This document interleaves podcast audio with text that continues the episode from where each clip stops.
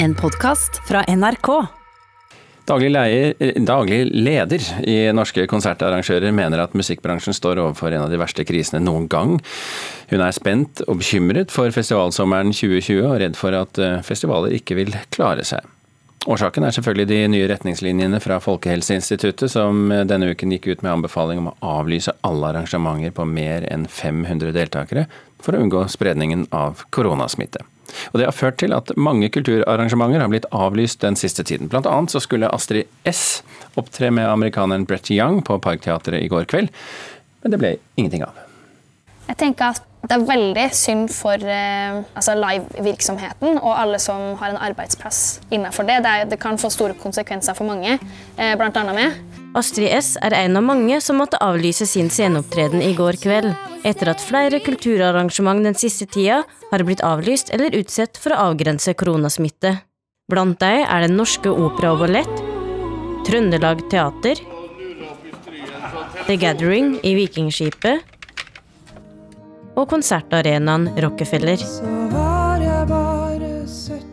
Daglig leder i Norske konsertarrangører, Tone Østerdal, sier at dette er den verste krisa musikkbransjen har stått overfor, og er bekymra over hva som kan skje de neste månedene.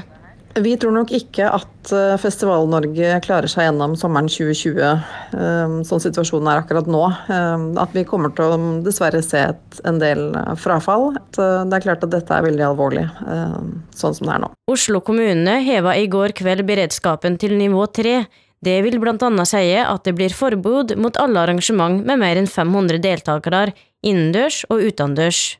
Ifølge Østerdal vil dette få økonomiske konsekvenser for musikkbransjen.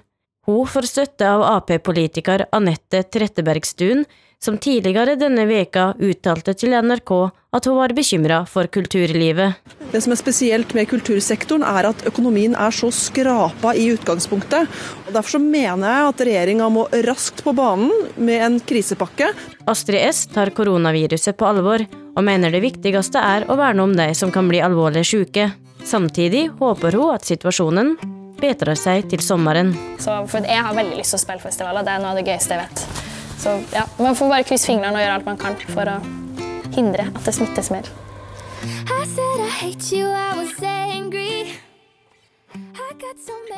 Astrid S og reporter var Oda Elise Svelstad. Og dette koronaviruset det får konsekvenser for flere deler av kulturlivet. Reporter Hedder Ørbekk Eliassen, du har oversikten. Det har jeg. Mens viruset fortsetter å spre seg, er den 63 år gamle skuespilleren Tom Hanks og kone Rita Wilson de første superstjernene i verden som står frem med det at de har testet positivt for koronaviruset. Tom Hanks skrev dette på sin egen Instagram-konto nå i natt. Vet du hvor de befinner seg? Ja, De befinner seg i delstaten Queensland på østkysten av Australia. Ifølge britiske, den britiske avisen The Guardian så var de nylig i gang med innspillingen av en ny film om Elvis Presley. Og Det er produksjonsselskapet Warner Brothers som står bak den nye filmen. Og Selskapet understreker at helse og sikkerhet er deres øverste prioritet om dagen. Så er dette innlegget til Tom Hanks eh, allerede likt av over én million mennesker på Instagram. Hva var det egentlig han skrev? Han begynte innlegget slik. Hei, folkens. Rita og jeg er her i Australia. Vi følte oss litt trøtte, som om vi var litt forkjølte og hadde litt vondt i kroppen. Rita følte seg også litt frossen. Det kom og gikk. Med teksten la han også ut et bilde av en brukt engangshanske kastet i en bøtte. Ok, Og nå er de på sykehus? Ja, nå er de på sykehus i Australia, og alle som har vært i kontakt med paret, oppfordres til å teste seg og isolere seg.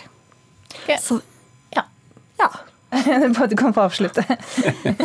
det jeg skulle si, var at så langt har 128 blitt smittet av viruset i Australia. da. Ok, Takk skal du ha, reporter Hedder Ørbekk Eliassen. Verdens befolkning kan deles inn i to. Det er de som tror på tilfeldigheter, og de som ikke gjør det. Slik åpner den nye boken til forskningsjournalist Yngve Fugt, 'Tilfeldigheter neppe'. Og det er en bok om sannsynlighet. Yngve Fugt, god morgen. Tusen takk skal du ha. Jeg... Mm? Ja. På aksen mellom 100% rene tilfeldigheter og forutbestemthet, hvor ligger du? Jeg ligger på 100 tilfeldigheter. Det fins ikke noe det fins ikke noe forutbestemte for, for, for ting. Nei. Så eh, det at jeg ikke har vunnet eh, en stor lottopremie, det er tilfeldig? Det er bare tilfeldig. Og du kan, eh, Hvis du skulle leve én million år, og levere en samme kupong i én million år, så er det ikke sikkert du vinner av det like, likevel. Nei. Du kan vinne flere ganger, det er ikke sikkert du vinner uansett. Men noen vinner jo hvert, hver uke? Fordi vi er så mange her i landet. At noen er nødt til å vinne men at sannsynligheten for at du vinner, er utrolig liten. Ja. Hva, nå ser vi jo på prisene på børsen. De, de detter nå ned etter uh, alle de tingene vi er, ut, uh, er, utsatt for nå med koronasmitte og det hele. Er det tilfeldig? Det er følelsen som styrer økonomien. Så hvis man er altså jeg kan si sånn, For å ta det mye morsommere ting. Hvis du lager en klimamodell, det er det safeste. Det er veldig eksakt, det kan man beregne veldig godt. Været er vanskelig å bestemme neste uke, men finans, finansmodell er enda vanskeligere, fordi følelsene styrer mye av dette her. Mm. Så når det er pessimisme i samfunnet, så, så vil det forsterke alt. Så, så, så, klimamodellen er bedre fordi de er matematisk De er mye mer matematisk etterrettelige. Ja. De er ikke styrt av følelser. Spredningen av koronasmitte som vi snakker veldig mye om, er det også tilfeldig? Nei, det har jeg ikke skrevet om i boken, så det vil jeg helst ikke uttale meg om. Nei. Men du, eh, eh, hvor, kommer, hvor, kommer, de store talls lov inn i bildet? Det kommer av når du har en tilfeldig hendelse som kaster terning, og får kanskje tallet seks. Det er tilfeldig å få en sekser. Hvis du kaster terningen tusenvis av ganger, da vil det være en sjettedel av gangene som, som, blir en sekser. Så storetallslov, det, der, der, sier man sannsynligheten over, over, over, tid. Da får du system på hvordan tilfeldighetene blir. Mm. Men hva er, mis, eh, hva er, det folk misforstår når de eh, ikke klarer å forholde seg til sannsynlighet for noe? Fordi folk ikke har begrep. I første er folk veldig mange redde for tall. De har ikke begrep om tall. de er så tallet, det er måte, Mattefrykt, rett og slett? Mattefrykt.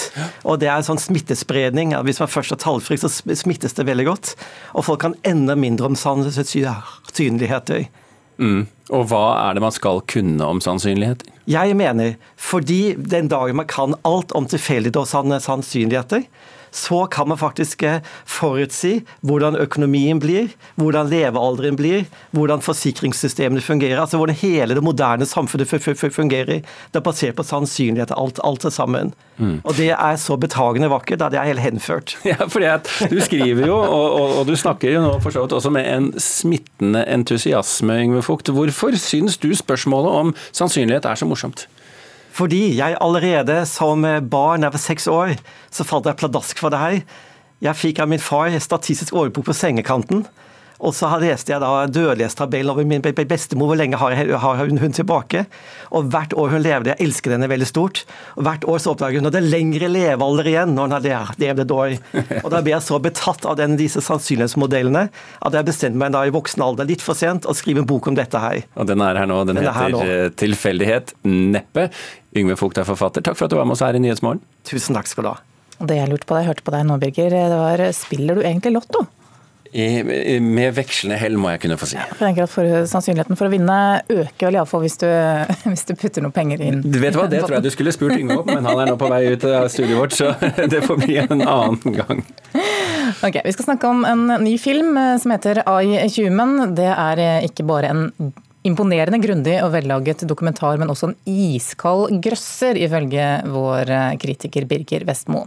Dette er også regissør Tonje Hessen Skeis film om hvordan kunstig intelligens kan forandre livene våre i nær eh, fremtid. Filmen har premiere på kino i morgen, og kan være en rystende øyeåpner for mange.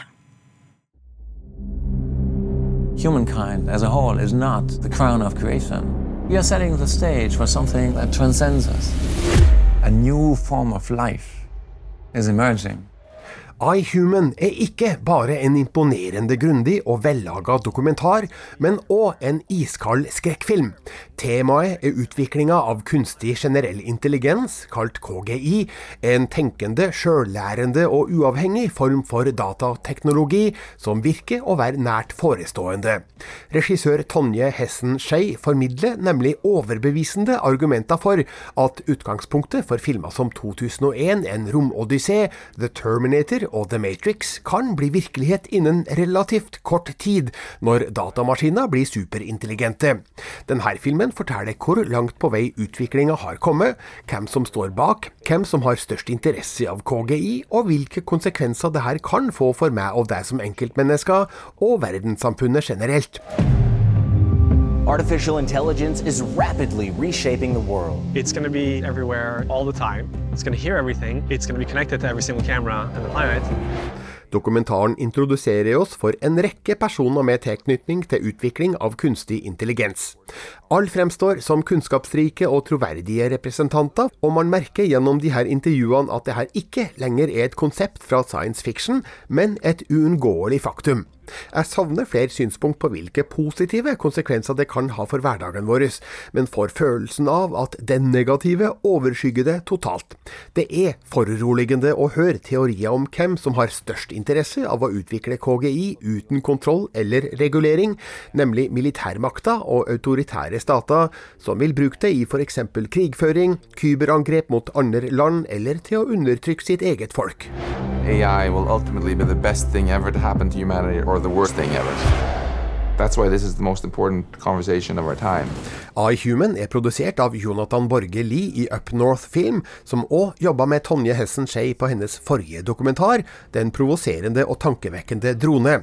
De har gjort en fremragende jobb med å presentere presumptivt kjedelige dataingeniørers viktige budskap på en engasjerende og forståelig måte.